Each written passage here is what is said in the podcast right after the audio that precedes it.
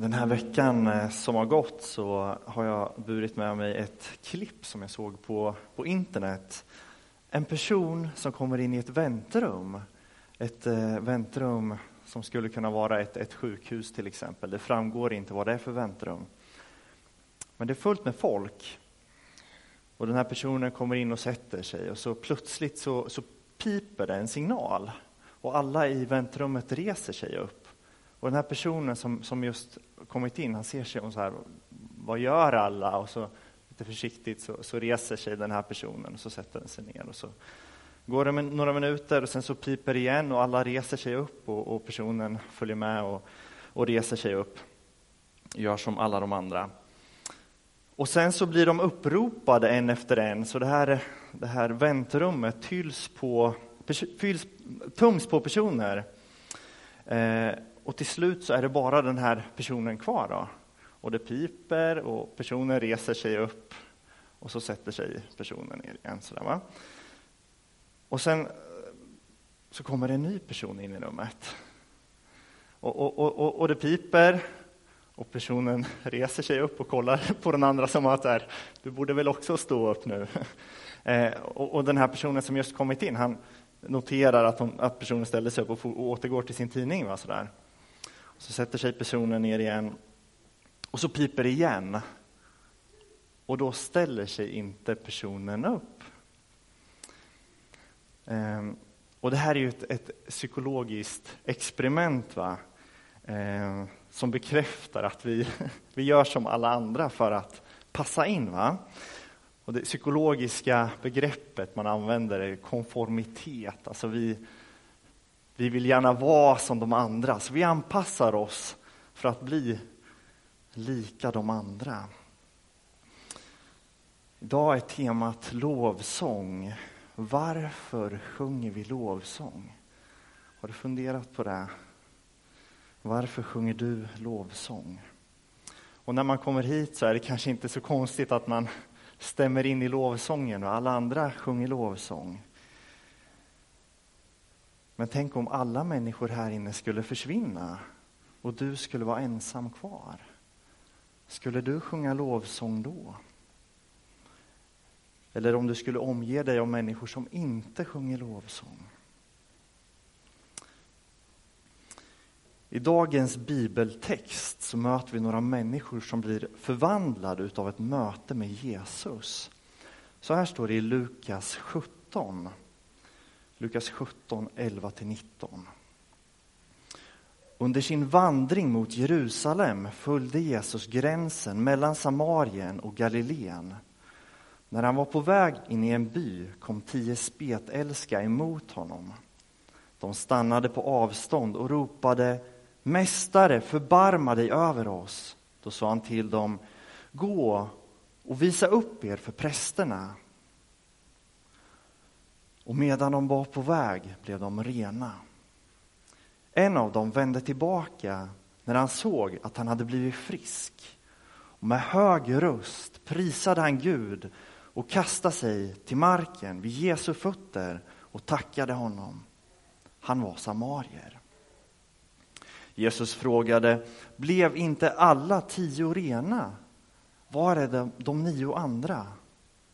Är det bara den här främlingen som har vänt tillbaka för att ge Gud ära? Och han sa till mannen, stig upp och gå, din tro har hjälpt dig. Tio människor kommer till Jesus och ber honom att, att göra, gör oss friska. Och Jesus gör dem friska. Och en kommer tillbaka, kastar sig inför Jesus och ger Gud sin tillbedjan. Det här tror jag är en text som kan lära oss mycket om, om lovsång och, och en sak som vi kan lära oss är att lovsång är ett gensvar på vem Gud är och vad Gud gör. Ett tema som återkommer i Bibeln, att lovsången bottnar i vem Gud är och vad Gud gör. Det börjar inte med oss. Ibland kan man tänka att men lovsången är till för mig. jag mår ju så bra av att sjunga lovsång. Va? Nu träffas vi allihopa och så sjunger vi lite lovsång så att jag får må så här bra. Men lovsången handlar inte om oss. Den handlar om någon annan, att ge någon annan ära, att ge Gud ära. Mannen faller ner inför Jesus och tillber honom.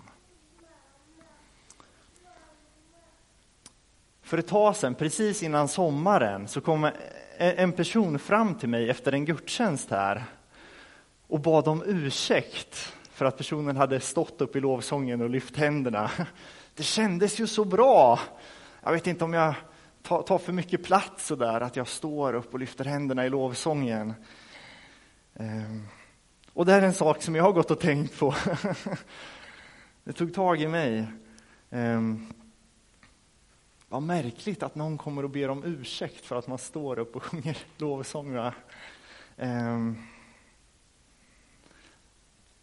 jag tror att vi lever i en kultur som är ganska van i att när någonting är fantastiskt så, wow, så lyfter vi händerna. och Tack Jesus, vad bra du är. Det är någonting naturligt, tror jag, i oss att, att uttrycka fysiskt med kroppen också. När vi läser Bibeln så ser vi i alla fall att så gick det till för 3000 år sedan. David skriver i psalm 143. Jag sträcker ut mina händer till dig som ett törstigt land längtar min själ efter dig. Eller psalm 63. Jag ska lova dig så länge jag lever, i ditt namn ska jag lyfta mina händer. Eller i vallfartssången 134. Lyft era händer mot helgedomen och lova Herren. Klagovisorna 3. Låt oss lyfta upp våra hjärtan och våra händer till Gud i himlen. Så finns det flera exempel på människor som lyfter upp sina händer i lovsången och, i bönen. Det står bland annat från när Salomo eh, har varit med och invigt templet så står det att när Salomo hade slutat att med dessa ord be och åkalla Herren steg han upp från Herrens altare där han hade legat på knäd med händerna lyfta mot himlen. Och ibland tänker jag så här, det konstiga är väl egentligen inte när jag lyfter mina händer i lovsången eller går ner på knä, utan det som är konstigt även när lovsången går mig förbi. Va? När det är någonting som inte träffar mig.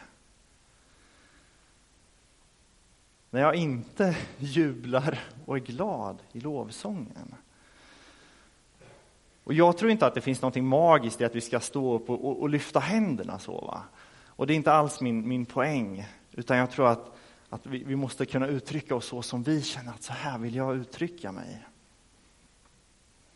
Men jag tror också att vi kanske fyller våra liv med så mycket annat att vi inte blir tillgängliga för allt det goda Gud har för oss.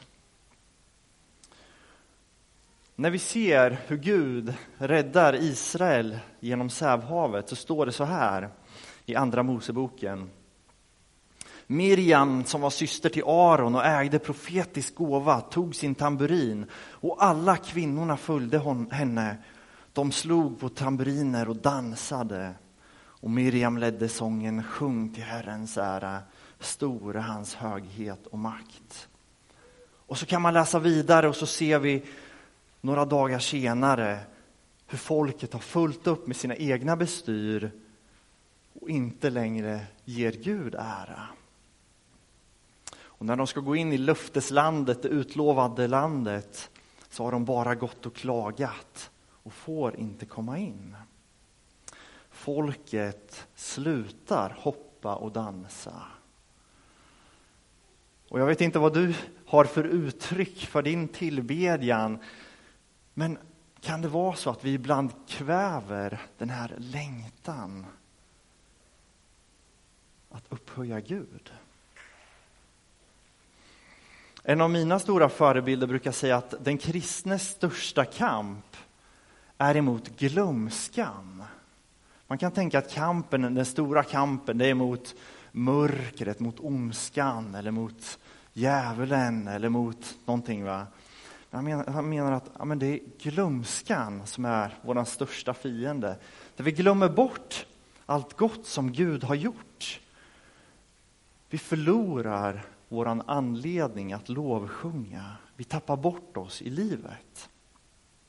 Och så fyller vi oss med sånt som tar vår uppmärksamhet. Inte att det behöver vara dåligt, men vi glömmer bort Gud.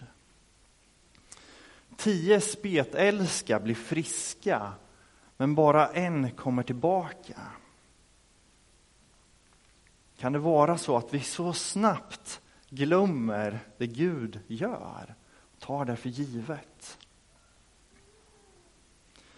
Varför sjunger du lovsång? Varför sjunger du med i psalmerna? Vad skulle hända om alla omkring dig försvann? Flyttade vidare, kom hem till Jesus. va? Och du satt där i bänken själv, satt hemma vid köksbordet själv. Skulle lovsången fortsätta eka omkring dig skulle ditt liv vara ett uttryck för tillbedjan. Bevarar du en grundton av tacksamhet till Gud? Eller finns det en risk att vi sjunger lovsång för att alla andra sjunger lovsång? För att passa in i en grupp? Jag tror att vi sjunger lovsång som ett gensvar på vem Gud är. Men det är någonting vi riskerar att glömma. Och därför tror jag att lovsång också är en typ av verklighetsterapi. Vi lever i en värld som består av väldigt mycket ondska och mörker. Ni vet, det räcker att läsa nyheterna, slå på tvn, så ser man hur mycket problem det finns runt omkring oss i världen. Och det finns en psalm som jag tänkte läsa som förhåller sig emot det här. Det är psalm 42 och 43. Det här är en psalm som eh, i vår bibel är skrivna som två olika psalmer, 42 och 43, men som det finns några tidiga eh, texter på, på hebreiska där de sitter ihop, och antagligen sitter de ihop, för det är precis samma mönster i psalmerna. Jag ska läsa hela psalmen, 18 verser eller någonting. Så här står det. Som hjorten längtar till bäckens vatten, så längtar jag till dig, o Gud. Jag törstar efter Gud, efter den levande guden. När får jag komma? När får jag träda fram inför Gud? Tårar har blivit min föda dag och natt. Ständigt frågar man mig, var är din Gud? Jag överväldigas av sorg när jag minns det som var hur jag gick i den mäktiges hägn upp till Guds hus med tacksägelse och glädjerop i skaran som drog upp till högtid. Och så kommer det varför är du så tyngd av sorg, min själ, och full av oro? Sätt ditt hopp till Gud. Jag ska åter få tacka honom, min räddare och min Gud. Min själ är tyngd av sorg, därför går min tanke till dig från Jordans till Hermons land, från Misars berg, djup ropar till djup i dånet av dina forsar. Alla dina brottsjöar slås samman över mitt huvud. Om dagen ska Herren skänka sin nåd, om natten ska jag sjunga till hans ära och be till Gud som ger mig liv. Jag säger till Gud, min klippa, varför har du glömt mig? Varför måste jag gå sörjande, plågad av fiender? Det skär mig in i märgen när mina fiender hånar mig, när de ständigt frågar, var är din Gud? Och så kommer det en gång till. Varför är du så tyngd av sorg, min själ, och full av oro? Sätt ditt hopp till Gud, jag ska åter få tacka honom min räddare och min Gud. Skaffa mig rätt, o Gud, ta dig an min sak. Rädda mig från ett trolöst folk, från falska fördärvade människor. Du är min Gud, min tillflykt. Varför har du stört bort mig? Varför måste jag gå sörjande, plågad av fiender? Sänd ditt ljus och din sanning, låt dem leda mig. Låt dem föra mig till ditt heliga berg och din boning, så att jag får komma till Guds altare, min Gud, min glädje och fröjd och tacka dig till lyrans klang, Gud, min Gud. Och så sista gången. Varför är du så tyngd av sorg, min själ, och full av oro? Sätt ditt hopp till Gud. Jag ska åter få tacka honom, min räddare och min Gud. I den här lovsången av Korash ättlingar får de som deltar stämma upp i en klagan över tillvaron. Varför har du glömt bort mig, Gud? Tårar har blivit min föda dag och natt. Varför måste jag gå sörjande, plågad av fiender? Få stämma upp i en klagan över tillvaron men också i en påminnelse om att sätta sitt hopp till Gud. Och ibland så känner vi inte för att lovsjunga, inte att sträcka oss, med, mot oss, sträcka oss mot det som är bortom det vi kan se. Då är det här en förebildslovsång. Vi sjunger inte bara lovsång när allting känns bra. När Gud har helat mig från spetälska. Utan istället tror jag att lovsång är en kamp om våra liv. Jag tror att lovsång är en kamp om våra liv. Vem tillber du? Frågar sig Bob Dylan i sången som vi så ofta hänvisar till. Vem tillber du? För att lovsång är en kamp om vårt liv. Och så kanske vi minns i bakhuvudet Sadrak, Mesak och Avednego som vägrar att falla ner inför bronsstatyn i Babylon. Lovsång. Vem lovsjunger du med ditt liv? Antingen så låter vi lovsångerna sätta agendan för våra liv genom att bekänna att Jesus är Herre trots att det inte alltid ser ut så i våran värld. Vi väljer i lovsångerna, genom, vi väljer i lovsången att ta sida, att välja sida i kampen mellan Guds rike och världens rike.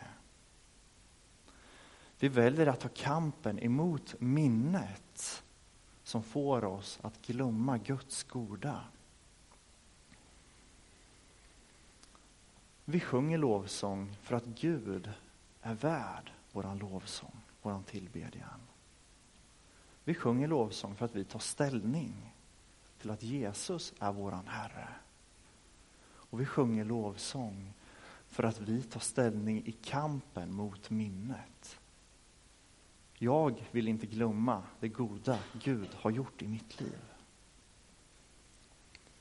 Vi sjunger lovsång för att vi vill vara som mannen som går tillbaka till Jesus och inte som de nio andra som fortsätter leva vidare som om ingenting har hänt.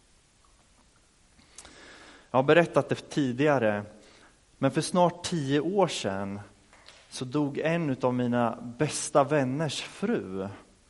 hon dog under tre år. Hon dog under tre år. Hennes hjärna ruttnade inifrån och läkarna kunde inte göra någonting. Och det här var bland det mest fruktansvärda man, kan se, liksom hur del efter del stänger sig ner i, hennes hjärna och, och, och till slut så, så, så, funkar ingenting va? under tre års tid. Um, det var fruktansvärt. Men samtidigt så fick jag i det också en av mina största förebilder. Min vän som trots allt det fruktansvärda valde att påminna sig om vem Gud är. Han valde att stämma in i lovsången att Gud är god. Gud är alltid god. Och vi pratade med honom om det, för vi hade ju våra små ja, men 20 års kriser. Va, sådär. Hur kan du sjunga lovsång när du går igenom det här, när jag inte kan sjunga lovsång för att jag inte har fått det här jobbet jag vill ha, eller vad det kunde vara. Och han, han sa det, att till vem annan skulle jag gå? Och jag tror att min vän blev lämnad ensam kvar i väntrummet. Va? Och till och med vi som var hans kristna vänner ifrågasatte det. Sådär. Hur kan du sjunga lovsång? Men han fortsatte sjunga lovsång. Och det tog tag i mig.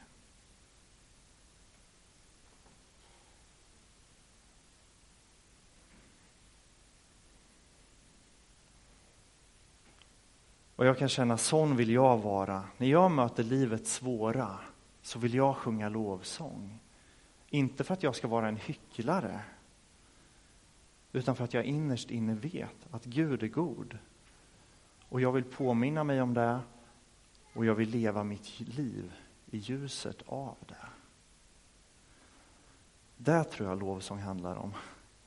Många gånger så blir lovsång till en fråga om uttryck, va? olika musikstilar. Det låter för mycket, det låter för lite. Hur gör man? Ska man stå upp? Ska man sitta ner? Men det är inte det det handlar om. Jag tror att lovsång handlar om våra liv. Vem tillber du?